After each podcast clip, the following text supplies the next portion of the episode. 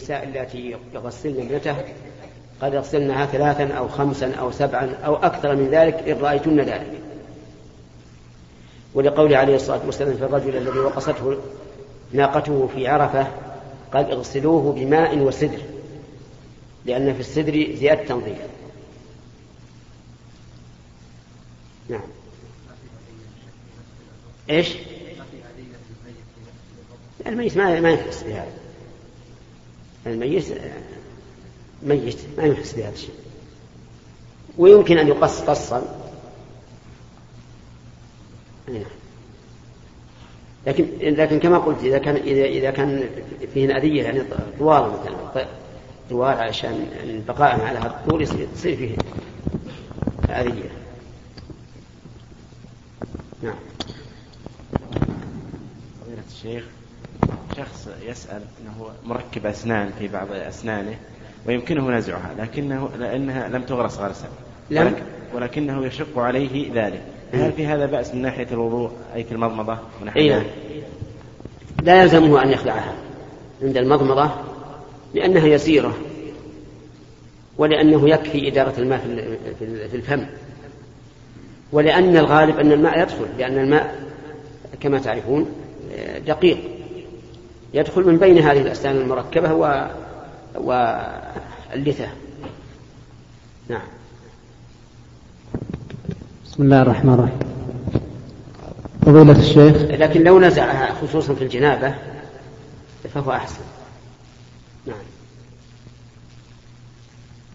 يلا.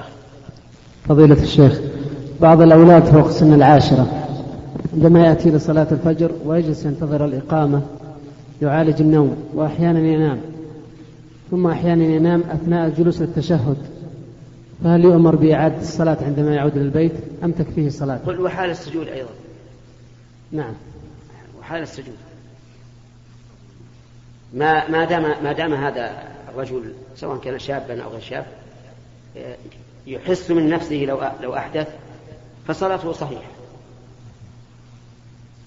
ولا يعيدها كذلك إذا كان يعني يتكلم بالتسبيح والتكبير والقراءة وإن كان يتكلم ولكنه لا يدركها جيدا فإنه لا بأس تكفيه أما إذا غار مرة وصار يجلس مثلا بين السجدتين يجلس تشهد ولكنه لا يدري أقال شيئا لم يقل فهذا آه، ينبغي له أن بل يجب عليه أن يعيد الصلاة. وهنا مسألة وهي أن أهل العلم يقولون إذا كان فيه نعاس شديد لا يدرك معه إتمام الصلاة مع الجماعة فليصلي وحده ولينام. لأن هذا أشد من آه، انتظار نعم هذا أشد من حضور الطعام. وإذا كان الإنسان إذا حضر الطعام فإنه لا بأس أن يجلس عليه ويأكل حتى يشبع ولو فاتته الجماعة فهذا من باب أولى. ولا شك أن القياس واضح. أفهمت الآن؟ فإذا كان هذا الإنسان فيه نوم شديد يقول إن ذهبت المسجد ما ما بقيت أعرف ما أقول. لكن إن صليت الآن أدركت الصلاة نقول صل الآن ونم. نعم. نعم. لا ما هذه ما, ما تكون هذه مستمرة إلا إنسان لا يبالي. والمهم أن يدرك الصلاة أن يدركها بقلبه يعني ويعيها بقلبه. نعم. بعده. حديث الرسول. فضيلة الشيخ السلام عليكم ورحمة الله وبركاته. حديث الرسول صلى الله عليه وسلم إذا ماتت المرأة وزوجها راض عنها دخلت الجنة. منطوق الحديث أن المرأة إذا مات وزوجها راض عنها تدخل الجنة. هل مقصود الحديث أن المرأة إذا ماتت وزوجها ساخط عليها لا تدخل الجنة؟ هل هذا صحيح؟ أولا لا أعرف هذا الحديث. لكن إذا كان هذا الحديث صحيحا فالمعنى أن كون المرأة تعاشر زوجها بالمعروف حتى يكون راضيا عليها هو من أسباب دخول الجنة. والسبب قد يتخلف لوجود مانع وهذه مسألة يجب علينا أن نعرفها. أحيانا ترد النصوص في الوعد والترغيب بأن من فعل كذا دخل الجنة وما أشبه ذلك. فالمعنى أن هذا سبب والسبب قد يتخلف لوجود مانع يمنعه. آه، فمثلا آه، ثبت عن النبي عليه الصلاة والسلام ما من عبد استرعاه الله على رعية يموت يوم يموت وهو غاش لرعيته. إلا حرم الله عليه الجنة. يعني منعه منها. لكن قد يكون هناك سبب قد يكون هناك مانع يمنع من نفوذ هذا الوعيد وهو أن يغفر الله له. فإن الله لا يغفر أن يشرك به ويغفر ما دون ذلك لمن يشاء. وحينئذ لا يستحق هذا الوعيد. فيجب علينا أن نعرف الفرق بين كون الشيء سببا قد يتخلف لوجود مانع. فنقول إن صح هذا الحديث فالمعنى أن كون المرأة تموت وزوجها راض عنها هذا سبب من أسباب دخول الجنة وقد لا يدخل الجنة من أجله. قد لا قد لا تدخل الجنة لوجود شيء آخر يمنع. لكن قد ثبت عن النبي عليه الصلاة والسلام أن المرأة إذا باتت وزوجها ساخط عليها فإن الله سبحانه وتعالى يكون ساخطا عليها. نعم. يعني إذا باتت ما إذا ماتت؟ إذا باتت وزوجها ساخط عليها فإن الله يكون ساخطا عليها. نعم. فضيلة الشيخ ما حكم كتابة صاد أو صرعا إذا كان إذا كان الكاتب مستعجلا في الكتابة؟ وما حكمه إذا كان غير مستعجلا؟ نعم. يعني بعض الناس إذا كتب قال النبي صلى الله عليه وعلى آله وسلم يقول قال النبي ثم يكتب صاد. يرمز إليها إلى صلى الله عليه وسلم. بعضهم يقول قال النبي صلى الله عليه وسلم يكتب صاد لام عين ميم صرعا. كل هذا حرمان يحرمه العبد. اولا أنه إذا كتب صلى الله عليه وسلم فقد كتب دعاء يكتب له به عشر حسنات. وإذا رمز لم يحصل على هذا الدعاء. ثم إنه إذا رمز صاد. وجاء إنسان يقرأ ولا يعرف الاصطلاح. ماذا يقول؟ يقول قال النبي صاد. هذا غلط عظيم. أو يقول قال النبي صلعا فيجعل صلعا اسما من أسماء الرسول. قال النبي صلعا على كل حال العلماء كرهوا ذلك. وقالوا إما أن يكتب صلى الله عليه وسلم أو عليه الصلاة والسلام وإما أن يدعها والقارئ هو الذي يصلي. وأما أن يكتب الرمز صاد أو صلع فهذا مكروه. نعم. ظهر حديثا ما يعرف التأمين التأمين على الأموال وعلى التجارات والسيارات وظهرت شركات في هذا ويؤمنون على السيارات بمعنى إذا صار للسيارة حادث آه، يضمنون ثمنها ويضمنون لو صار في آه، قتلى في نتيجة الحادث فيدفعون الدية. فما توجيهكم؟ ويسمونه بالتأمين التعاوني. التأمين التعاوني من باب التعاون. فما توجيهكم في هذا؟ جزاكم الله خيرا. حسب ما ذكرت نرى أن هذا محرم. يعني أن يدفع صاحب السيارة كل شهر كذا وكذا أو كل سنة كذا وكذا للشركة وتقوم الشركة بضمان الحادث الذي ينتج من هذه السيارة. نرى أن هذا حرام وأنه من الميسر الذي قرنه الله بعبادة الأصنام وشرب الخمور. قال الله تعالى يا أيها الذين آمنوا إنما الخمر والميسر والأنصاب والأزلام رجس من عمل الشيطان. فاجتنبوه لعلكم تفلحون. ووجه ذلك أن هذا المؤمن إذا دفع كل شهر خمسمائة ريال كان عليه في السنة ستة آلاف ريال. ربما يحصل حادث في هذه السنة يستوعب عشرين ألف ريال وربما لا يفلت شيء فإن كان الأول يعني حدث حادث يستغرق عشرين ألف ريال صار المؤمن غانما. يعني الذي دفع التأمين. والشركة إيش؟ غارمة. وإن كان العكس بأن مضت السنة ولم يحصل حادث كانت الشركة غانمة والمؤمن غارم. وهذا هو الميسر تماما. فهو حرام. فلا يجوز للإنسان أن يتعاطاه. ولا تغتر أيها الإنسان بعمل الناس. فإن الله تبارك وتعالى يقول وإن تطع أكثر من في الأرض يضلوك عن سبيل الله. نعم. فنصيحتي لإخواني أن يقاطعوا هذه التأمينات. وأما قولهم إنه تأمين تعاوني فهذا أكثر ما يكون. هل يمكن لأي إنسان لم يدخل في هذا التأمين أن يستفيد من هذا من هذه الجمعية؟ أبدا لا يستفيد. بل هو تأمين ميسري قمار. نعم. الشيخ. نعم. ما نعم. حكم, ما حكم زيارة القبور للنساء إذا كانوا مثلا في بلد وابنهم في بلد ثم لم يروه وهو يموت أو آه، لم يحضروا موته؟ ثم ذهبوا ليزوروه في المقبرة. والأم آه، خاصة حساسة. فإذا كانت هذه الأم تكثر النياحة وتقلل العبادة إذا لم ترى ابنها فما حكم الزيارة لها وما حكم زيارة القبور للنساء عموما؟ نعم. زيارة القبور زيارة النساء للقبور عموما محرمة بل من كبائر الذنوب. لأن النبي صلى الله عليه وعلى آله وسلم لعن سائرات القبور. وهذه المرأة التي بقيت حزينة لفقد ابنها لكونها لم تشهد جنازته إنما حصل لها ذلك من الشيطان وهي إذا ذهبت مثلا وزارت ابنها فهل هل سترى ابنها؟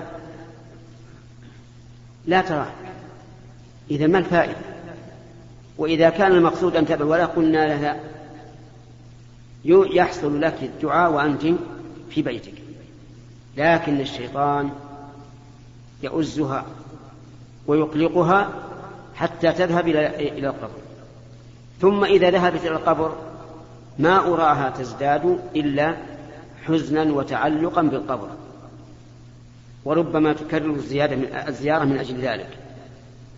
لهذا نوجه النصيحة إلى هذه الأم ونقول لها احتسبي واصبري فإن لله ما أخذ وله ما أبقى وكل شيء عنده بأجل مسمى.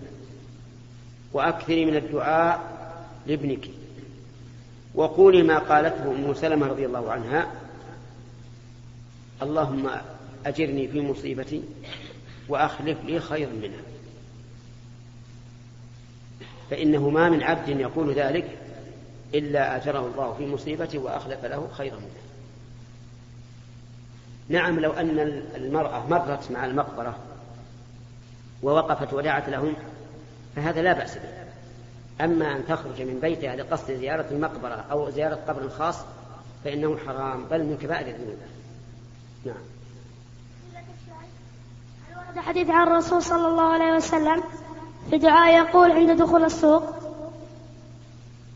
ورد حديث أن الإنسان إذا دخل السوق قال لا إله إلا الله وحده لا شريك له له الملك وله الحمد وهو على كل شيء قدير لكنه ضعيف. الشيخ أحسن الله يقوله تعالى وسيرت الجبال فكانت سرابا. وفي آية النمل وترى الجبال تحسبها جامدة وهي تمر مر السحاب. كيف توفق وردت نصوص في يوم في اليوم الآخر مختلفة في هذا وفي غيره. حتى في في بني آدم. ورد أنهم يحشرون زرقا يعني يعني المجرمين منهم.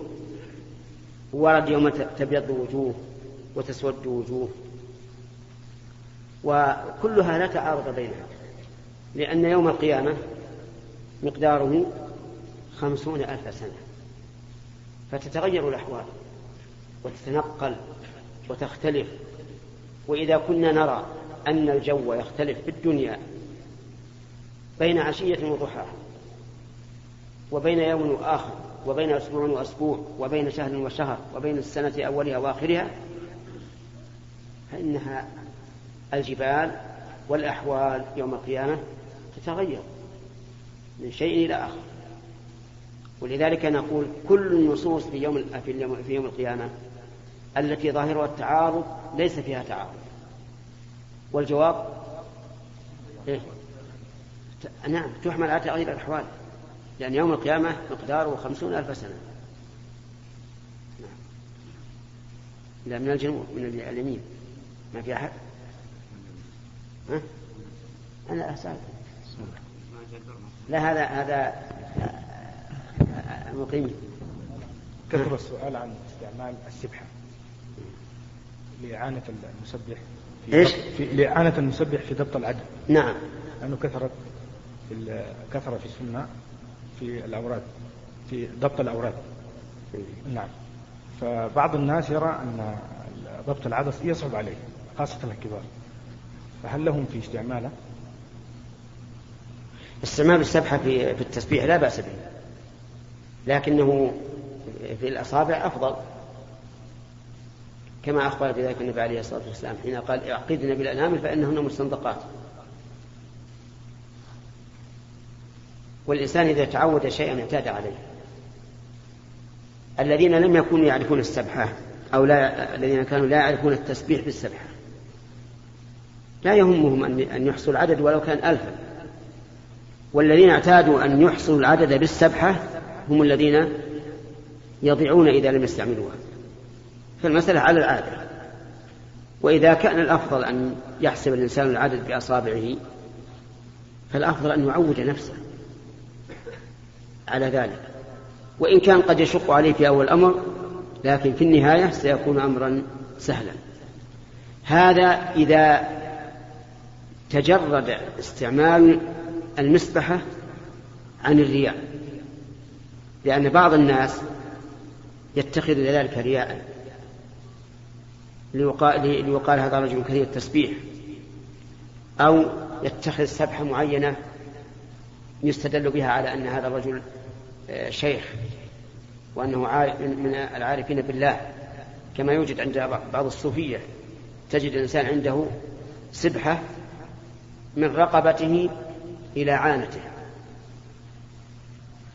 كأنما يقول للناس يا أيها الناس انظروا إلى عدد التسبيح الذي أسبحه. أو يدعو الناس إلى أن يكرموه ويتخذوه وليا. هذا لا شك أنه إذا اقترن بها شيء يجعلها محرمة صارت محرمة. لكن مجرد العدد وأن الإنسان إذا انتهى منها أدخلها في جيبه نقول الأفضل أن تعقد بالأنامل نعم. طيب. شيخ حسن الله إليك الجمع بين ما قلنا في أن الرأس هو محل التصور والتفكير وبين قوله تعالى عن القلب أو أن الفقه في القلب. جمع. الجمع في هذا سهل. فالمتأخرون يقولون المراد بالقلب هنا قلب التفكير وليس قلب مضخة الدم وأن القلب الذي الصدر ما هو إلا آلة تصفية. للدم فقط. وليس وليس له آه، يعني عمل أي شيء. فيحملون القلوب في قول الرسول عليه الصلاة والسلام ألا وإن في الجسد مضى إذا إذا صلح صلاح الجسد كله على أن المراد القلب قلب التفكير وهذا في في الدماغ. لأنه معروف أن الدماغ إذا اختل اختل التفكير واختل العمل. والإمام أحمد قال العقل في القلب وله اتصال بالدماغ. وبعض المتأخرين يقول التفكير والتصور هذا في الدماغ. ثم الدماغ للقلب من منزلة السكرتير للرئيس. يعني يتصور الأشياء ويكتب ما ما يقرر ثم يرسله إلى القلب والقلب هو الذي ينفذ يأمر أو ينهى. ولهذا شبه أبو هريرة القلب بالملك والأعضاء بالجنود. وهذا القول هو أقرب ما يكون.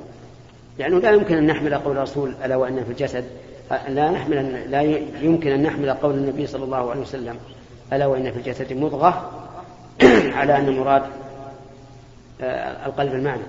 الرسول فسر وبين ووضح مضغة. إذا صلح صلح الجسد كله وإذا فسدت فسد الجسد كله. الخلاصة هذا إن محل التفكير الدماغ ومحل التدبير القلب. نعم, نعم. القلب هذا الذي الذي في الصدر. الفقه الفهم الفقه الفهم. في القلب يكون في الرأس ويكون في القلب. نعم. انتهى الوقت. انتهى الوقت إن شاء الله وإلى اللقاء القادم إن شاء الله تعالى في مثل هذا اليوم. نسأل الله أن ينفعنا وإياكم بالعلم. وسبحانك اللهم وبحمدك أشهد أن لا إله إلا أنت أستغفرك. أيها الإخوة في ختام هذه المادة نسأل الله أن نلقاكم في لقاءات متجددة. مع تحيات مؤسسة الاستقامة الإسلامية. للإنتاج والتوزيع في عنيزة. شارع هلالة رقم الهاتف والناسخة الهاتفية صفر ستة ثلاثة ستة أربعة ثمانية ثمانية ثمانية صفر والرقم الثاني صفر ستة ثلاثة ستة أربعة خمسة ثمانية ثمانية صفر ورقم صندوق البريد اثنان وخمسمائة وألف.